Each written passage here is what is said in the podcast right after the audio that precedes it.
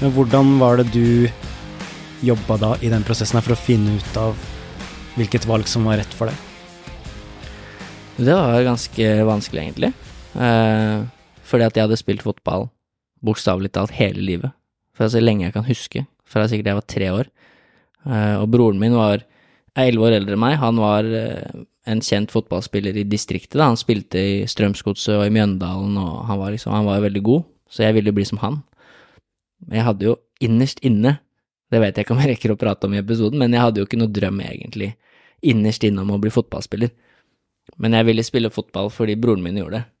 Eh, og så blir det jo litt sånn, som sikkert mange kjenner seg igjen i, at når du begynner med en ting, og kanskje du er ganske god i det, så begynner folk rundt deg å forvente at du skal bli god i det. Uh, I hvert fall så føler man det sånn selv, da. Så jeg tenkte jo at uh, mine kompiser og min familie og folk forventa at jeg skal bli fotballspiller. Eh, og kanskje nesten ble litt skuffa eller forbanna hvis jeg ikke ble det, for jeg var så nære. Og spilte på relativt høyt nivå. Takka nei til litt muligheter og sånn som jeg kanskje kunne sagt ja til, og måtte kasta bort i gåsetegn eh, hva skal jeg si, mitt talent, da. Men for meg så blei det tydeligere og tydeligere at men det er ikke riktig for meg. Altså, jeg spiller ikke fotball uh, på grunn av nivå.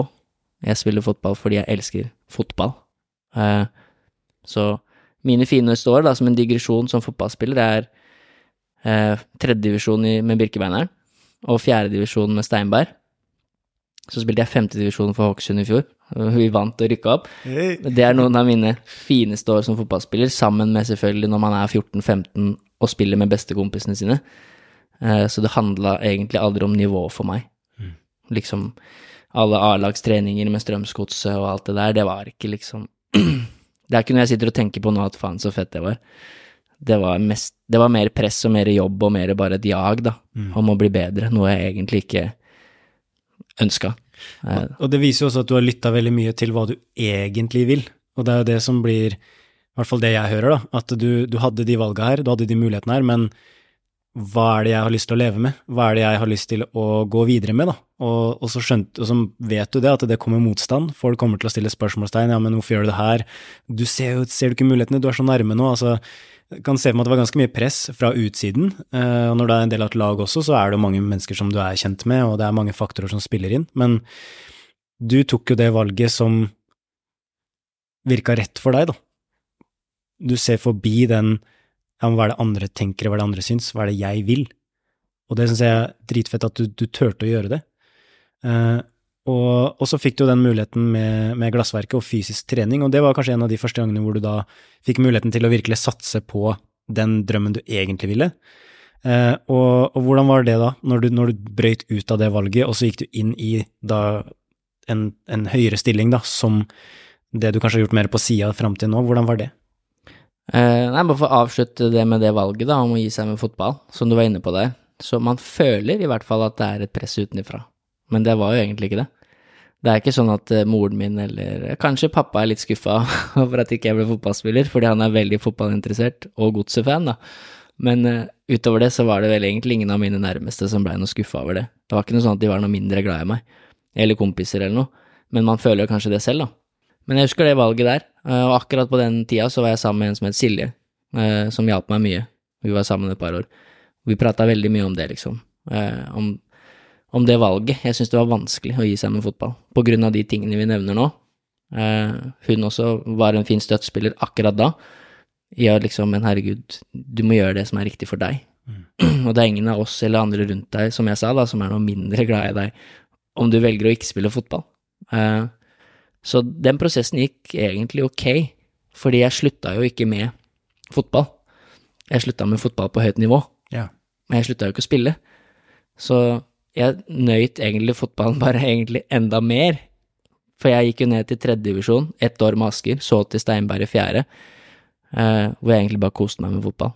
Mm. Da gikk jeg på trening bare for å ha det gøy, for å nyte spillet, for å happe med ballen, leke. Eh, og det passa bedre for meg, da.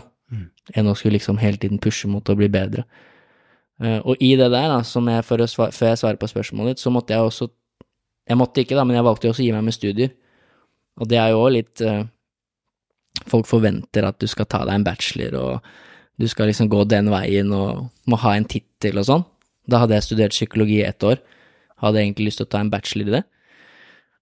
Hvor jeg sa, som du liker å si, da, fuck it, jeg, det gidder jeg ikke.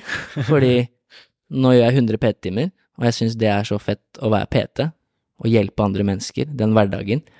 Og jeg tjener penger på det, og jeg syns det er gøy, liksom. Nå har jeg fått eh, mulighet til å være fysisk trener. Der er det to landslagsspillere. Der er det masse spillere som har potensial.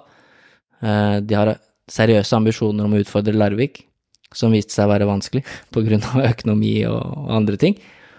Eh, så liksom, jeg må gi meg med studier òg, fordi jeg, jeg kan ikke være inne i Oslo hver eneste dag på skolen mens jeg skal gjøre PT-timer og være i Drammen og følge opp 20 spillere, da. Så jeg måtte gi meg med både fotball og studier, eller jeg valgte det. Og det er jo to litt store valg mm. når du er ja, Hvor gammel var jeg? Jeg var 23 eller noe. 2-23. Wow. Og da blir det jo litt reaksjoner. Litt sånn fra familie, men er du sikker på det, liksom? Bør du ikke ta ferdig alle studiepoengene, bør du ikke det? Og så er det sånn, nei, jeg tror ikke det. Eh, jeg skal ikke slutte å utvikle meg eller studere, jeg bare skal ikke gå på skole. Eh, så da kom jeg jo inn i det, som du sa nå, jeg takka ja til å være fystrener i Glassverket. Og det var skummelt, som 23-åring, og skulle jobbe med veldig, veldig gode håndballspillere med store ambisjoner og drømmer, da. I Glassverket så var nesten alle ble proffer. Der er det spillere som Kari Bratseth og Veronica Christiansen og Jeanette Christiansen og liksom all, nesten alle ble håndballproffer, da. Så det er klart det er et stort ansvar, følte jeg i hvert fall da.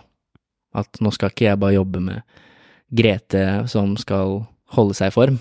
Nå skal jeg jobbe med en som jeg vil bli olympisk mester, eller jeg vil bli verdensmester, jeg har lyst til å spille Champions League, jeg har lyst til å eh, Så på den tiden så Jeg hadde jo vært idrettsutøver sjøl, så jeg tok den oppgaven veldig seriøst, da. Og visste at det, dette kommer til å kreve mer av meg enn å liksom bare sette opp noen enkle øvelser og få folk til å svette, da.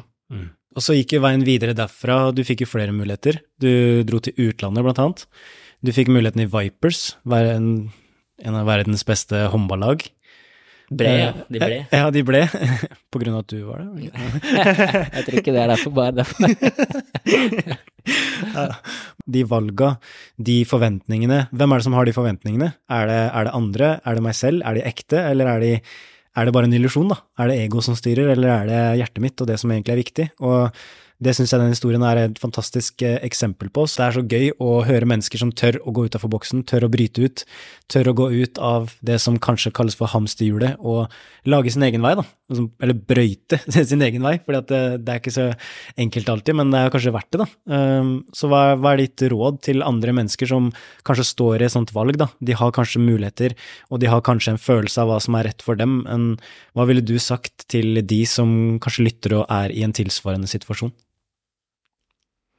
Det er et godt spørsmål. Det er jo vanskelig å gi et uh, konkret råd, fordi alle, alle sin reise er jo forskjellig. Det er jo veldig enkelt å si disse klisjé-tingene at ja, men du må bare følge hjertet ditt, og du må bare gjøre det som føles riktig for deg, og det er nok egentlig det som er det riktige òg, å gjøre.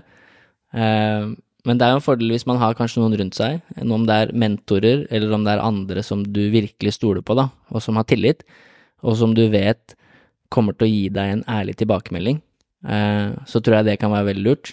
Eh, det er ikke sikkert Det kommer an på hvordan forholdet men det er ikke sikkert moren din er den riktige da.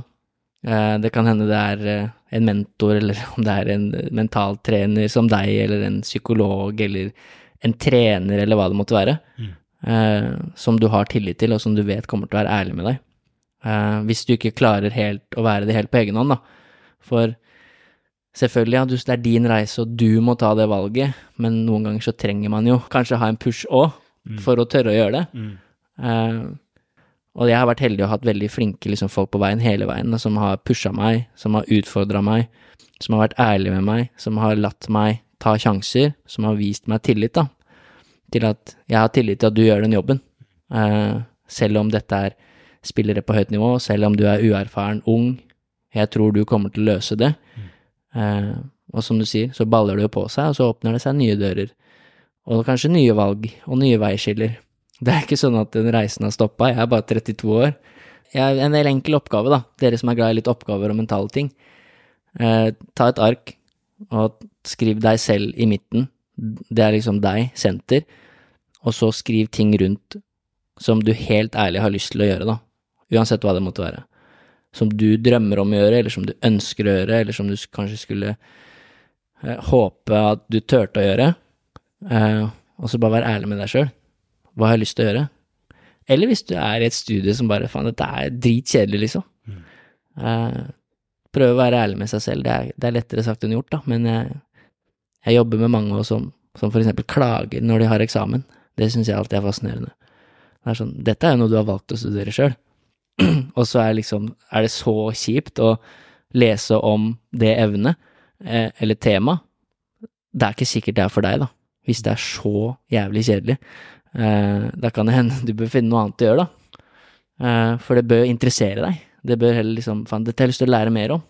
Jeg har lyst til å ta opp den boka og lære om det her. Jeg har lyst til å gå på jobb tidlig, være igjen for å lære enda mer, stille spørsmål, være nysgjerrig, uh, tørre å være kreativ med det jeg gjør. Uh, hvis man har en sånn uggen følelse i seg at aff, dette er ikke liksom Gleder meg ikke til å gå på jobb, da. Mm. Jeg gleder meg ikke til å gå på det studiet. Jeg gleder meg ikke til å liksom gjøre disse oppgavene så tror jeg i hvert fall det er en fin inngangsbillett til å begynne å leke litt med de tankene om at kanskje fins det noe annet som passer bedre for meg, da.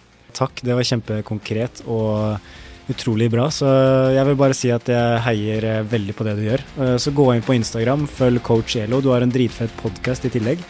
Så, så, følg gjerne han, følg gjerne den, og lytt til mange flere inspirerende historier. Og din historie inspirerer for meg veldig mye, så takk for at du kom i dag. Bare hyggelig. Tusen takk for at jeg fikk være gjest.